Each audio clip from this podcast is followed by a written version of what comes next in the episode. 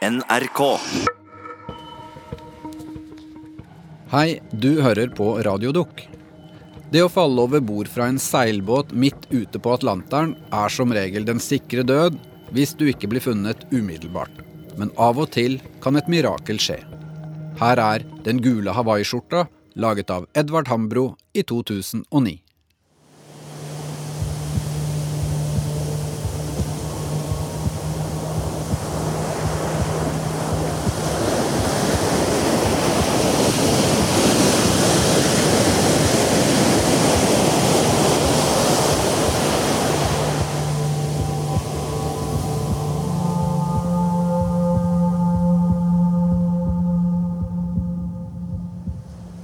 Er hvis du faller over bord. Det vet alle som ferdes på sjøen. Jeg hørte at gutta hadde snakket om det på vei over. At hvis vi av en eller annen årsak skulle falle i havet, så kommer iallfall jeg til å ta meg vesten og skli ned. For jeg kan ikke orke å ligge her og vente på døden. Da lar jeg meg drukne. Det var alle gutta enige om at ja, det stemmer, det gjør vi. Men det er ikke det som skjer. Du Du kjemper.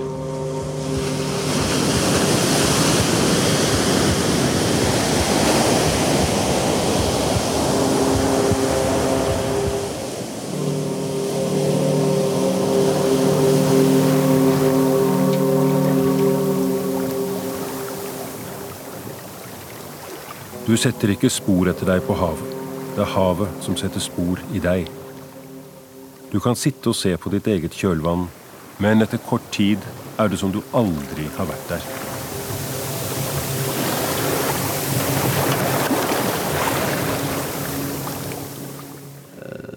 startet litt mer eller mindre som en fleip. Uh, var på en middag hjemme hos uh, en kjæreste som heter Vera.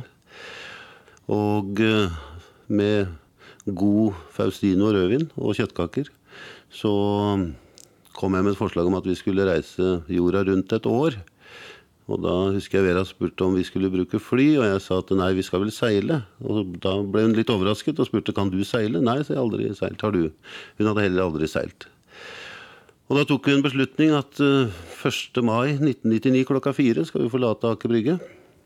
Det var elleve måneder fram til det. Jeg var veldig forelsket i den mannen som spurte. Så jeg så jo på det som en unik mulighet. Altså å være nær eh, kjæresten min eh, et år. Og å lære nye ting sammen. Bygge opp noe, noe nytt sammen. 1. mai året etter klokken fire var de klare til å kaste loss fra Aker Brygge i Oslo. Arve og Vera delte på ansvaret. Han seilte og tok seg av motoren. Hun navigerte. Begge skipper på egen skute. En Sønn Odyssé på 42 fot. En moderne havseiler med én mast. De døpte henne Hildring.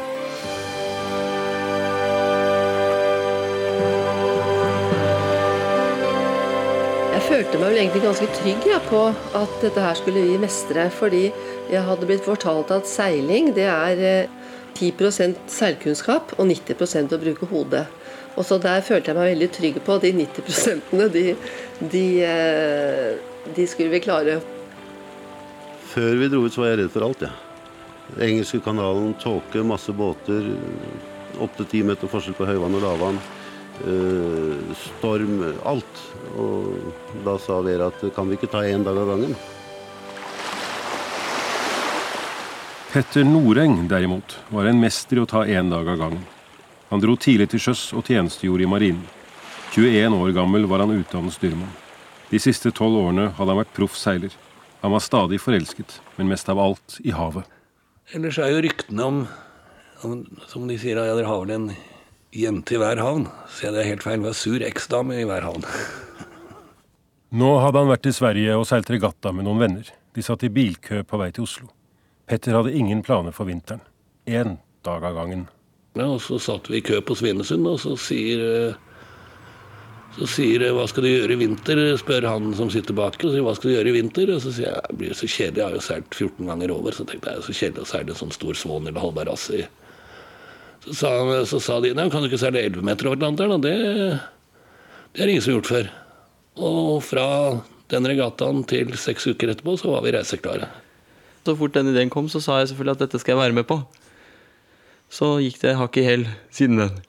Petter og mannskapet hans bestemte seg for å satse på Atlantic Rally for Cruisers, blant norske seilere kun kalt Arken. En seilas i samlet flokk fra Kanariøyene til Karibien. Der skulle også Arve og Vera delta.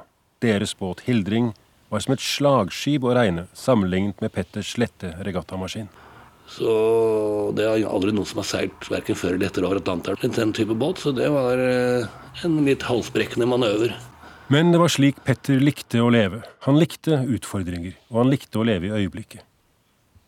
Arve og Vera hadde gått på diverse kurs i elleve måneder for å lære seg det grunnleggende i seilkunnskaper. Det grunnleggende i seiling hadde Petter lært seg før han begynte på skolen, og han hadde lært det av faren sin. Ja, det vil jeg si at hans seilerfaring var jo meget god. Han hadde den gangen krysset Atlanteren mange ganger som skipper, og helt fra han var liten gutt var han helt enestående på sjøen. Det som jeg ikke var begeistret for, var jo selve båttypen, som jo er en innaskjærs regattabåt. Men uh, unge mennesker ser jo dette annerledes. Jegermeister kalte de båten. Petter skulle ha et mannskap på tre. En av dem var Ola Strand, 20 år gammel.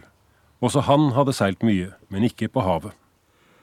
Jeg tror verken Petter eller jeg hadde noen store forhåpninger om at uh, dette skulle gå, inntil uh, vi faktisk sto på brygga i Drammen og båten ble lastet om bord i en uh, bilferge som skulle ta den ned til Lisboa. Jeg husker faktisk veldig godt at vi satt i bilen, en, en lånt gammel bil vi hadde, så kjørte tilbake med da en tom henger og begge satt der og var helt stille i et par minutter og sa plutselig 'hva faen er det vi har gjort nå'? Imens var Arve og Vera kommet seg helskinnet til Kanariøyene. Det var ennå lenge til regattaen skulle starte. Så fikk vi besøk av noen venner fra Larvik. Uh, Ove og Oskar. Oskar var tolv år, Ove er en god venn av meg. Og da skulle vi kjøre fra Gran Canaria over til Tenerife og møte noen venner der borte. Og vi dro ut ved åttetida om morgenen. Og etter en snau times seilas så begynte Oskar å bli sjøsjuk.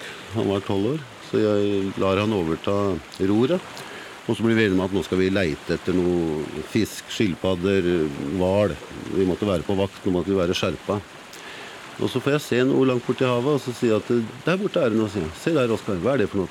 Og nei, sier Vera, det er ikke noe fisk. Så tar jeg heldigvis opp kikkerten. Og da ser jeg et lite svart hode. Og så sier Arve å, det er et menneske. Og, og, ligger her og vifter, liksom. Så vi satte jo kursen rett mot han, og det var altså en afrikaner som lå der og ropte 'Help me, help me'. Og da tenkte jeg at jøss, har det gått med en liten fiskebåt? Uh, har det skjedd et eller annet her nå? Er det flere rundt her? Og etter hvert så fikk vi denne kroppen om bord, som kom fra Senegal. Og jeg husker at jeg faktisk begynte å gråte fordi jeg liksom Det var bare sånn fryktelig situasjon. Hun var 23 år gammel og hadde vært blindpassasjer på et, et, et stort skip. Og de hadde da bestemt seg for å kvitte seg med problemet. Da kasta de inn over bord. Han prøvde å holde seg fast i rekka, men de brøyt opp fingrene hans. Uh. Og jeg husker at Osman, da. Han, han, strakte ut hånden sin og tok på armen min liksom for å berolige meg. For han skjønte han trodde at jeg var, måtte, var blitt skremt. Og jeg var ikke skremt, men jeg var uh, Det var liksom så fælt å se en, en gutt på ens egne barns alder uh, ligge ute i havet på den måten. da. Jeg pakket rundt ham et ullpledd og, og ga ham varm kaffe. Og gjorde for så vidt alt det som var galt å gjøre vet jeg, ettertid for å varme han opp Da, For han hakket jo fryktelig tenner og kunne nesten ikke prate. Osman hadde flaks som ikke døde av den omsorgen han fikk av Arve og Vera. Fra legen i Las Palmas fikk de høre at de hadde gjort alt galt. Gitt ham glohett drikke, varmet ham for hurtig, latt ham sitte oppreist i stedet for å ligge ned. Kort sagt, Osman kunne godt ha dødd av denne behandlingen, som går under navnet second death. Du blir funnet i live, men overlever ikke den velvillige omsorgen. Vi eh, gikk da på radioen og ba om Coast Guard eh, og hjelp. Og det første de spør om, er hvilken farve har han? Og da sa vi at jo, han var svart. Ja, lever han? Ja, han lever. Så vi trenger en ambulanse. Og da kom eh, vi tilbake til Gran Canaria. Og Da sto ambulansen på kaia og tok vare på han. Og så gikk det et kvarter, så kom politiet og henta meg. Og med pass og sånn som ble fratatt meg, så satt jeg i forhør i fire-fem timer. Og jeg hadde jo brakt da en ulovlig immigrant inn til Spania. Så jeg var litt usikker på hvordan dette ville ende. I loggboken til Hildring står det Eneste han hadde med seg, var et sammenbrettet verdenskart. Ingen venner. Ingen familie. Overlatt bare til seg selv. Og nå overlatt til politiet. Han ble raskt overført til et asylmottak. Vera og Arve var fast bestemt på å prøve å hjelpe ham. De fikk kontakt med den norske milliardæren Bjørn Lyng, som eide og drev det luksuriøse feriestedet Anfi Del Mar. Uh, kom vi ned til Bjørn Lyng, uh, fikk møte han, og så sier han i løpet av ti minutters tid at vi tar ansvaret for ham.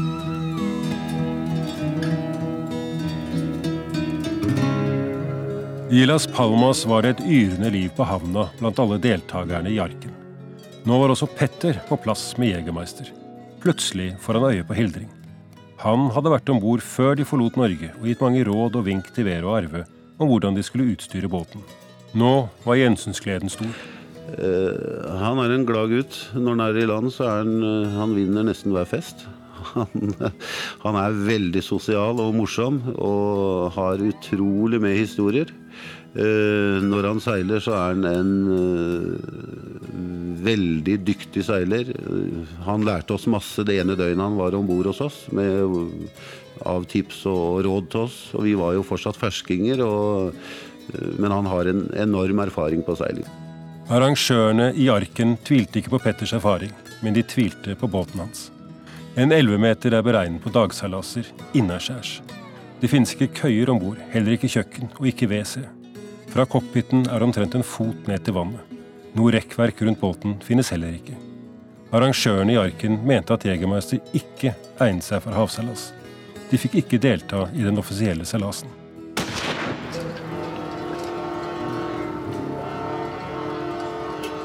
Da startskuddet gikk den 21. november, fosset 236 seilbåter vestover fra Las Palmas mot Karibien. Det var ingen som var overrasket over å se Jegermeister starte på sidelinjen. Arve og Vera krysset fingrene for Petter og mannskapet hans.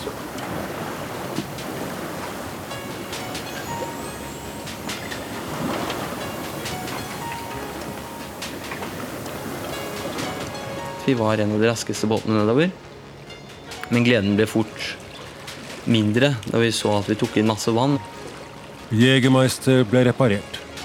Og så var det bare å sette av gårde igjen. Alt var fryd og gammen ehm, ja, de første dagene vi seilte utover. Det var fortsatt litt bitte lekkasje, men ikke akkurat mye. På Hildring var derimot alt i orden. Båten var sertifisert for havseilas. Om bord hadde de alt de trengte av nødutstyr. Med seg på turen hadde de to kamerater, begge erfarne seilere. Så da vi dro ut fra Las Palmas 21.11, så sto jo Osman der med sin støttekontakt fra, fra Anfedel Mar. Og sto der og vinket i nye klær og smilte og var lykkelig. Så det var jo liksom sånn Det også var jo en veldig sånn spesiell ting. Eh, at vi dro derfra følte oss forvisset om at han hadde det bra, da. Om bord på Hildring levde de det gode liv. Nybakt brød hver dag. Minst to varme måltider. Skikkelige senger. På Jegermeister var det litt annerledes. Ja, Men det var jo utrolig moro. Vi hadde jo et sånn gassbluss, da. Sånn liten gassflaske. Så hadde vi én gryte og én kaffekanne. Og det gikk jo bare i pasta og kaffe. Den gryten gikk over bord første dagen til Karibia, så vi stekte popkorn og lagde pasta og, og drakk kaffe av samme kasserolle. Hele veien, fire mann. I 19 dager, så det var ganske spesielt. Men man venner seg til det meste. Heldigvis så var ikke jeg så vanvittig kaffeavhengig på den tiden, så jeg slapp heldigvis å drikke for mye av den kaffen som var kokt i pastasaus. Det vi glemte som var verst, var at vi glemte sånn babypowder. For man, blir man får jo sånn bavianrumpe når man sitter i vann hele tiden. Da. Så Hver gang det var sol og litt tørt, da, så sto jo alle gutta med rumpa i været og solte rumpa si. Da, for vi har jo helt Du sitter våt hele tiden. Så vi, neste gang så tar vi med babypowder, for å si det sånn.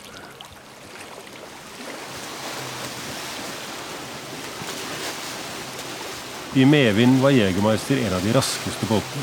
Snart lå det aktivitet. De første dagene er ofte litt tunge for å komme i gang inn i rytmen når du seiler såpass langt som du gjør over Atlanteren. Men når du kommer inn i rytmen og du, og du har Jeg syns jo soloppgangen er helt utrolig. Den blir jeg aldri lei av. Og gang også, selvfølgelig. Og du, har jo, du ser jo skilpadder, og du ser jo hvaler, og delfiner har du stort sett hele tiden. Og det er liksom ja, så er det å plukke flyvefisk på dekket om morgenen, og det er jo alltid masse flyvefisk på dekket om morgenen. Og det, nei, det er eh, Det er freden, altså.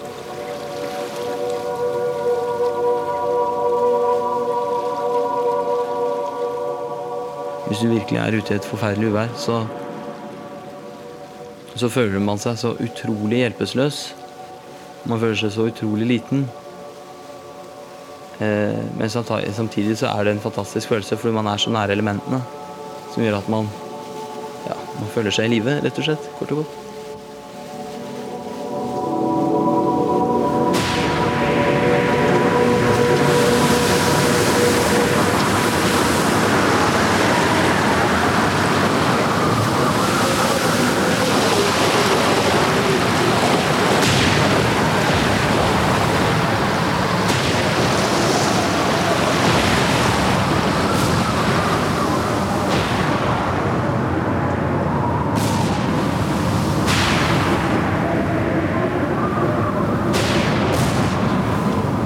Så kom vi inn tornevær som var enormt.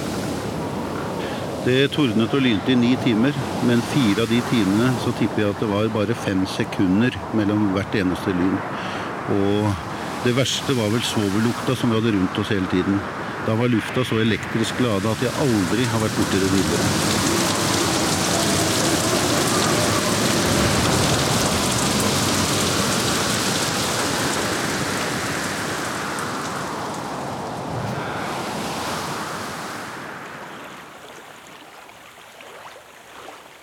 Vi sov jo ikke mye den natten, men neste morgen rundt åtte husker jeg da var det blå himmel, ikke en sky, og sola skinte. og liksom Akkurat som nattens eh, meritter var rett og slett bare et, et, en drøm.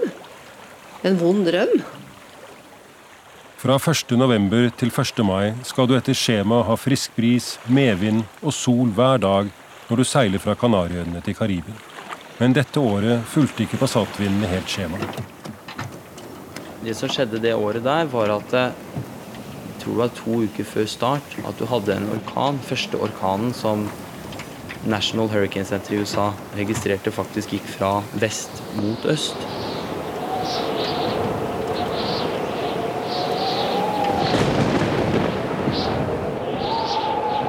Det vi da fikk en uke inntil seilasen, var motvind.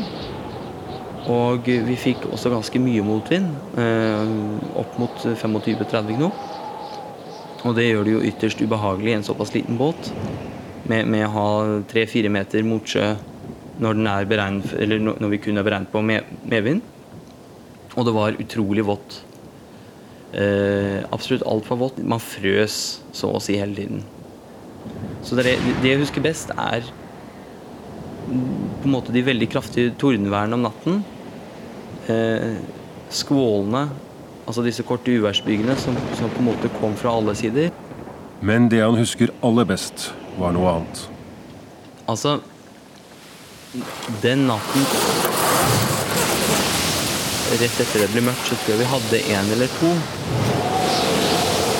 Og jeg satt og styrte, så trodde jeg at det kom på en måte en tredje en som ikke var så farlig, bak meg, og tok feil. Eh, for det som kom, var et veldig, veldig kraftig uvær. Eh, vi fikk vind opp i 35 knop, 30-35 knop med en gang. Hadde en full spinnaker og, og fullt storseil. Eh, seilte 18-18,5 knop fart.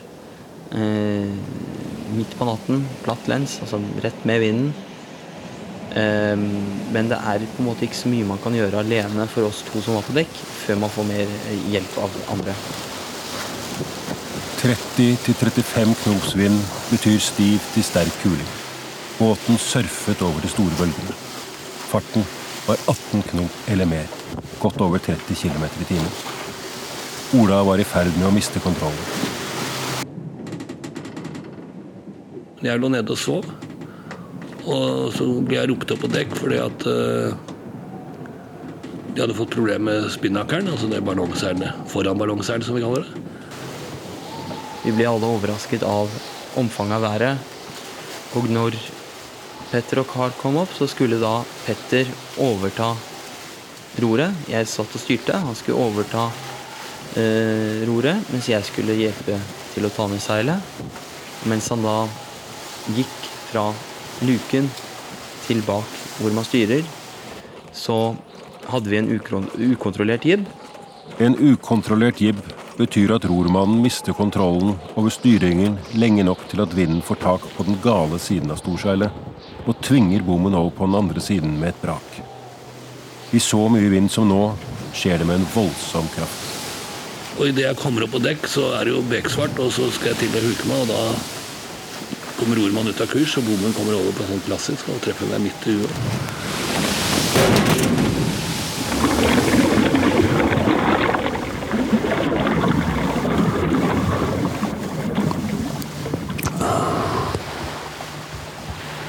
Så er midt i Svartehavet, midt i Atlanteren. Og så båten min forsvant i horisonten.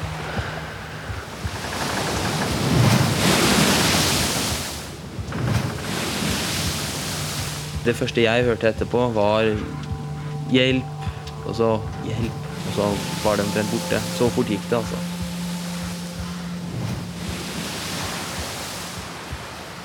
Det er det verste.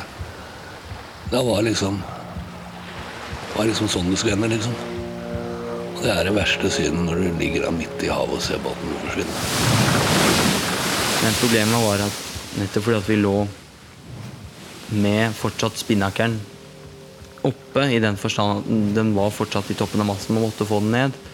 Storseilet var oppe, og masten så å si i vannet. Så tar det tid å få alt sammen ned før vi kan returnere og, og lete etter Petter.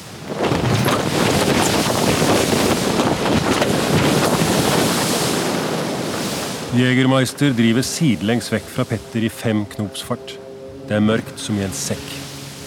Så fort vi på en måte fikk kontroll over båten, så heiste vi et forseil og seilte opp mot den estimerte posisjonen vi hadde på Petter. Jegermeister sendte nå opp nødraketter.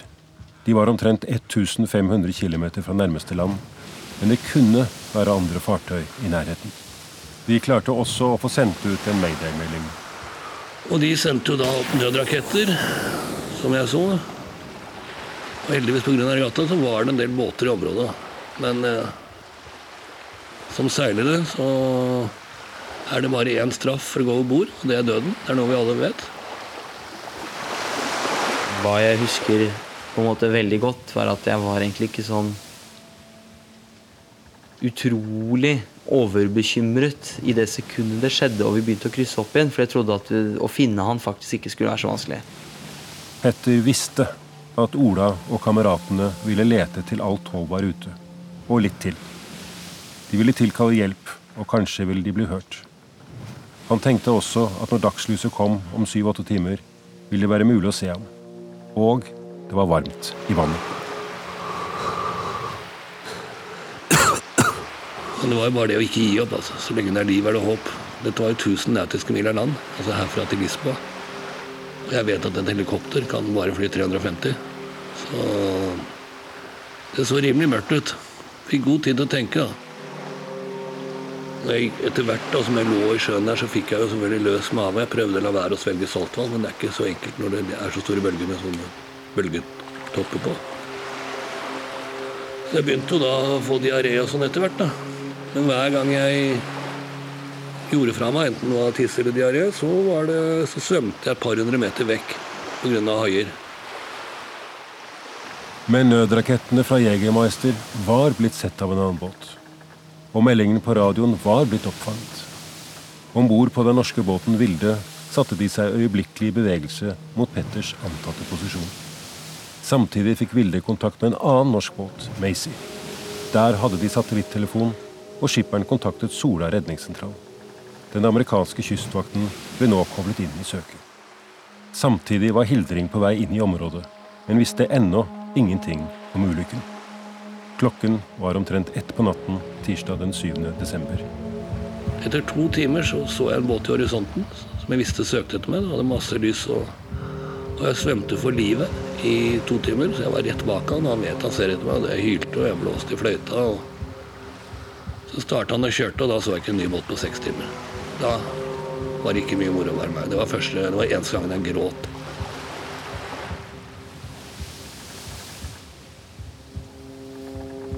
Så hele natten gjennom, da, så så seilte vi opp og ned. Flere båter kom til for å hjelpe til. Og vi prøvde så best var å koordinere slik at vi alle så på forskjellige steder, og ikke alle liksom på en måte lå i samme posisjon. Det er imidlertid ikke så lett midt på natten eh, å prøve å få koordinert dette på en ordentlig måte. Et fly fra den amerikanske kystvakten var blitt satt på vingene men ble truffet av lyn og måtte returnere. Et nytt fly skulle ta av fra Puerto Rico klokken 11 om formiddagen, om fire timer. Nå hadde Petter ligget i vannet i åtte. Jeg lagde en sånn stressløs stol av, eh, av um, vesten min. da. Så jeg satt behagelig i sånn fosterstilling og prøvde. Det blir jo kaldt, da, selv om det er 25 grader i vannet. Så når jeg ikke så båter, så lå jeg der og prøvde å ha så mye av kroppen ut av vannet, for det blir veldig kjølig av vannet.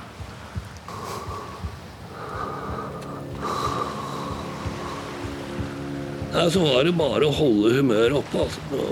Den natten, den var lang. Men det var vel det at jeg aldri ga opp. Det kan jeg takke speideren og sikkerhetskurs og alle disse tingene man oppgås med. Det var veldig fristende å bare la vesten gå og så være de ferdig med, ferdig med greia.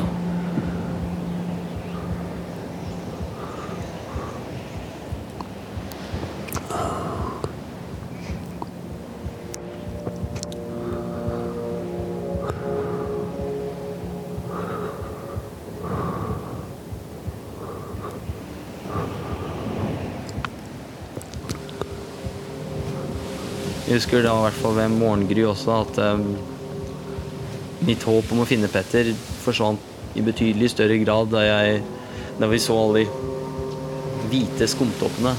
Jeg tenkte på Petters hvite hår blant de hvite skumtoppene ikke akkurat kommer til å være kjempesynlig. Og oppdaget jo også når det ble lyst at det, det, blåste, det blåste ganske kraftig. Så det var ikke slik at det var noen kort uværsbyger i det hele tatt. Det var en langvarig front som kom inn. Jeg var jo rimelig sjanseløs. Altså, offisielt så var jeg jo dau. Og det var ingen som ved sine fulle fem som trodde at jeg skulle bli funnet. Nå hadde Sola redningssentral fått tak i telefonnummeret til Petters bror Eirik. Det er fra redningssentralen på Sola.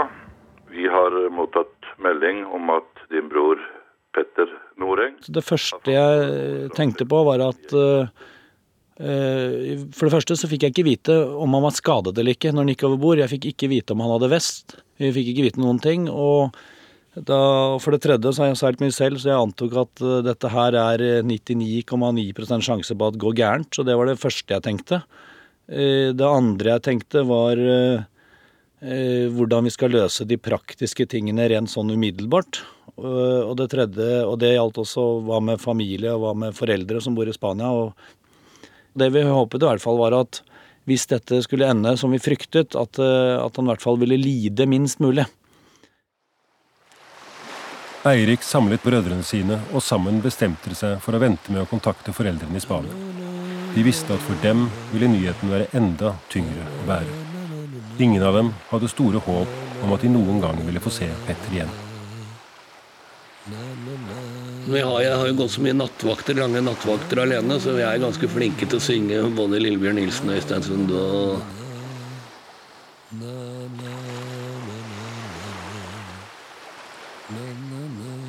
Jeg tenkte mer på hva jeg skulle forandre hvis jeg overlevde. Og så var det mer å tenke på de flotte stundene man hadde hatt forskjellige steder med forskjellige venner og sånne ting. Det var for å være flinkere til å ta vare på hverdagen. Generelt det å altså, ta vare på øyeblikkene.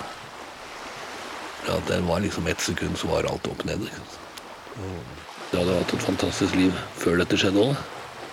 Fokusere på det. Altså fokusere på alt annet enn det som var negativt. Og det, det med å synge og synge og synge, det, liksom, det fikk tankene vekk fra det som var negativt. da. Na, na, na, na, na, na.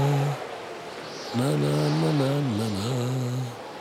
Na, na, na, na, na, na. Na, na, na, na, na. En himmel full av stjerner. Blått hav så langt du ser.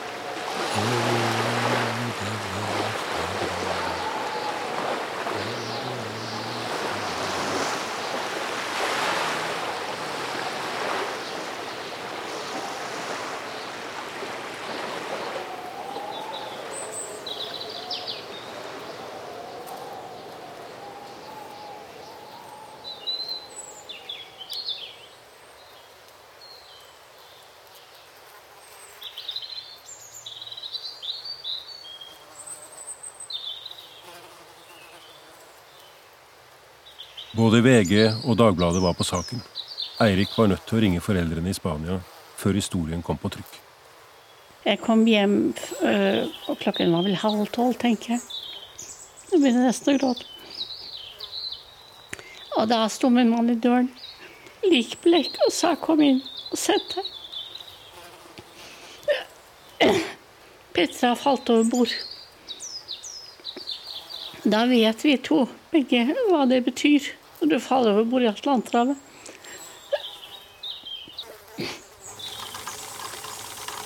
Og den dagen var grusom. Jeg tok frem symaskinen og satte meg til å sy. Jeg jeg kan kunne jeg se på at alle sømmene var skjeve.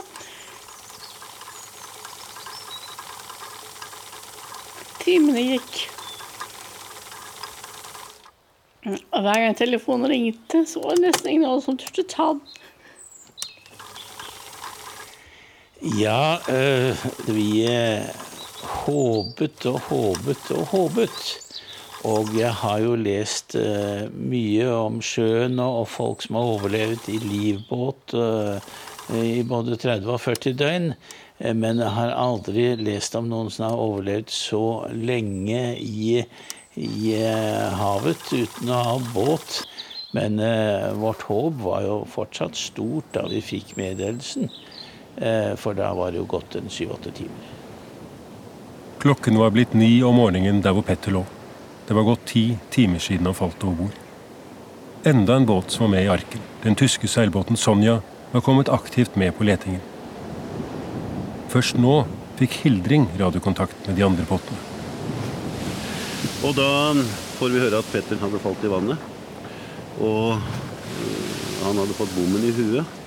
Og fikk da beskjed om å gå til en oppgitt posisjon, som var en cirka-posisjon for der han hadde falt i vannet. Så vi meldte fra til ark at vi går ut av arken. Vi seiler opp til dette droppunktet, for vi har lyst til å være med i denne leteaksjonen. Nå var endelig Orion-flyet fra Kystvakten kommet inn i området. Flyet var utstyrt med varmesøkende radar. Teoretisk skulle det være i stand til å finne et levende menneske i havet. Men viktigst var at flyet kunne organisere båtene så de kom i best mulig posisjon i forhold til hverandre og Petters antatte posisjon. En ny kveld nærmet seg. Fra Kystvakten fikk alle beskjed om at ett søk til, så skulle alle ut av området før været ble dårligere. Og så kommer det noen svære, svarte banker med regn. Svære, enorme skyformasjoner. Og vinden øka på nokså kraftig. Og da fikk vi beskjed av US Coast Guard om å gå tilbake til droppunktet. Og det var ikke mulig å seile den veien, så den enheten meldte ifra at vi klarer ikke å gå opp mot droppunktet. Været var for tøft. Vi tar ned seilene og starter motoren. Og normalt så kjører jeg på 2000 omdreininger på båten. Da gjør jeg en sånn fem-seks knopp under greie forhold. Nå ble vi kasta på siden. Jeg gikk opp til 2002. 2004. Da klarte jeg på 2004 å holde båten opp mot vinden, men vi gikk ikke framover. Så 2006 det er liksom maks, og da gjør det vondt. Den, da sliter motoren sterkt. Da gjorde vi én knopp. Og det hadde vi en par timer, tenker jeg. Og så rett før det ble mørkt neste kveld, jeg datt jo sånn elleve om kvelden, var det vel, så ser jeg to båter nede i horisonten. Jeg husker godt stemningen om bord. Vi var ganske sånn, vi var helt stille alle sammen. Vi var veldig preget av det. Vi kjente alle Petter Noreng. Og vi sto to på hver side. Eh, Arve og Pål og Petter og meg. Og vi skulle ta to og to ut på hver styrbord og babord side. Jeg ser de bare når jeg er på toppen av bølgene. Og da svømte jeg. Da så jeg de gikk mot vinden, og da står de så godt som stille, for det var jo blåste jo par og 30 knop, og det var fem meter høye bølger. Og da la jeg vesten på ryggen og svømte for livet, for jeg skjønte at eneste måten å bli funnet på, er å De treffer meg, altså. Og når jeg nesten klarte å knekke kursen eh, deres, så satte jeg meg opp på vesten. Og da hadde jeg på meg en gul hawaiiskjorte som jeg og broren min hadde konkurranse for året før i Backstreet i St. Martin og kjøpte den styggeste hawaiiskjorta, noe jeg vant. Så satte jeg meg opp på vesten med den uh, hawaiiskjorten og holdt den som en sånn flagg. Pål eh, skriker at han har sett noe. Uh, et farveblink som ikke skulle være der. Og da tror jeg vi brukte ca. 15 minutter før vi fikk sett noe igjen. Så sier arvet meg at Vera går ned og kåle opp Sonja, den tyske båten, og si fra at eh, vi går ut av kurs et øyeblikk, for vi har sett et eller annet i vannet. Det kan være en tønne, det kan være hva som helst, men vi, må, vi vil se hva det er for noe. Ja, den, den, den gleden jeg, når, jeg, når, jeg, når de oppdaget meg, den kan ikke beskrives.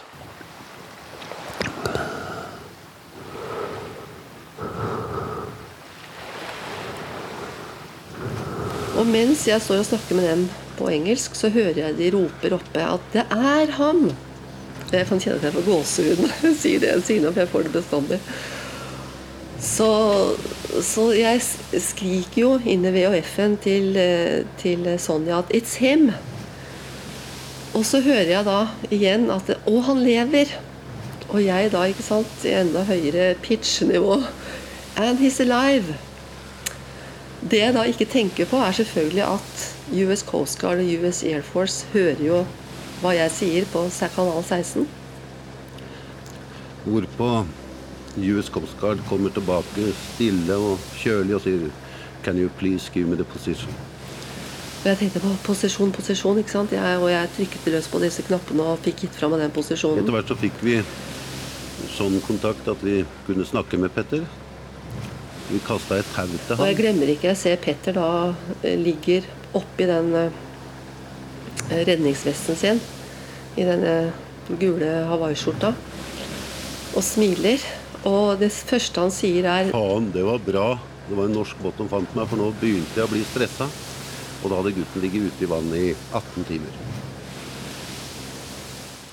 Mens vi drar han inn til båten, så lurte han på hvordan det gikk med Rosenborg og den kampen som Rosenborg da hadde spilt. Men ennå hadde de ikke fått Petter opp i båten. Og Det er jo rart. Eh, kroppen veide 85 kilo. Og når vi løftet han opp, så veide han ingenting. Det var eh, ja. Det var bare gledesrus. Det var bare helt utrolig. Det var som å få livet i gave på nytt igjen. Så vi fikk han om bord. Og da hadde vi jo lært hva vi skulle gjøre. Det som skjer når du har ligget så lenge i vannet, det er jo at uh, all blodet ditt legger seg i beina. Og da kan du få luft i hjernen. Jeg var jo stein hakka gæren før dette, så det var ikke noe forandring for meg. Men eh, det hun gjorde, hun la meg rett ned med en gang. Det er veldig viktig, for hvis jeg hadde stått oppreist der, så hadde ikke hadde all blodet vært i beina.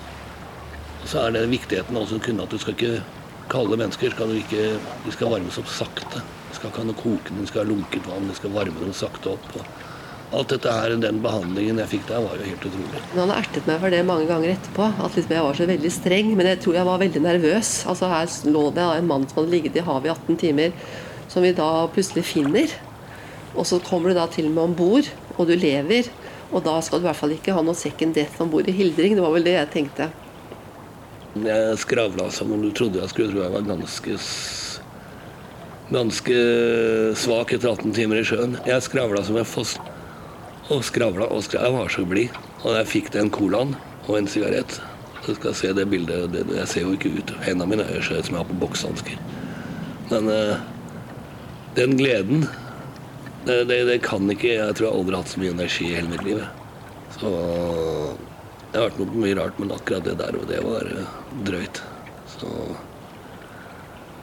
Nei, det er uh, Jeg er ikke religiøs, men selv om man kunne blitt religiøs av mindre. Men nei, Det går ikke an å beskrives, men jeg er veldig flink til å ta vare på øyeblikkene. Du er på en måte høy, nervøs, kjempeglad.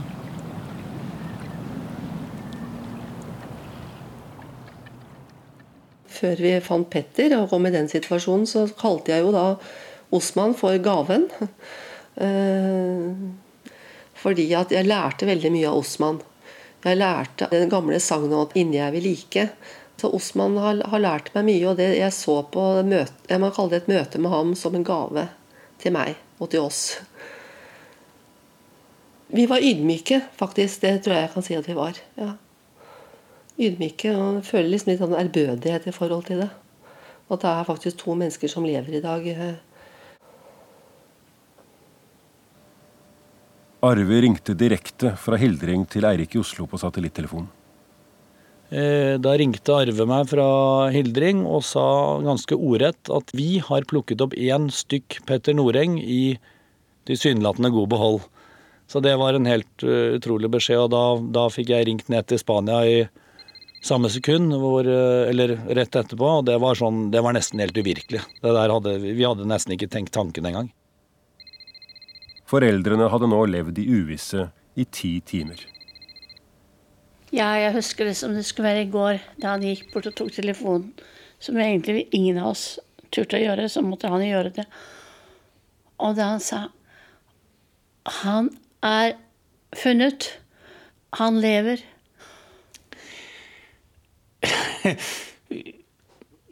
ja, det, det er jo nesten som å få altså et, eh, et, nytt barn, kan du si. Eh, så gledelig var det. Og eh, vi, jeg tror vi både ropte og skrek og var helt fra, fra oss av, glede.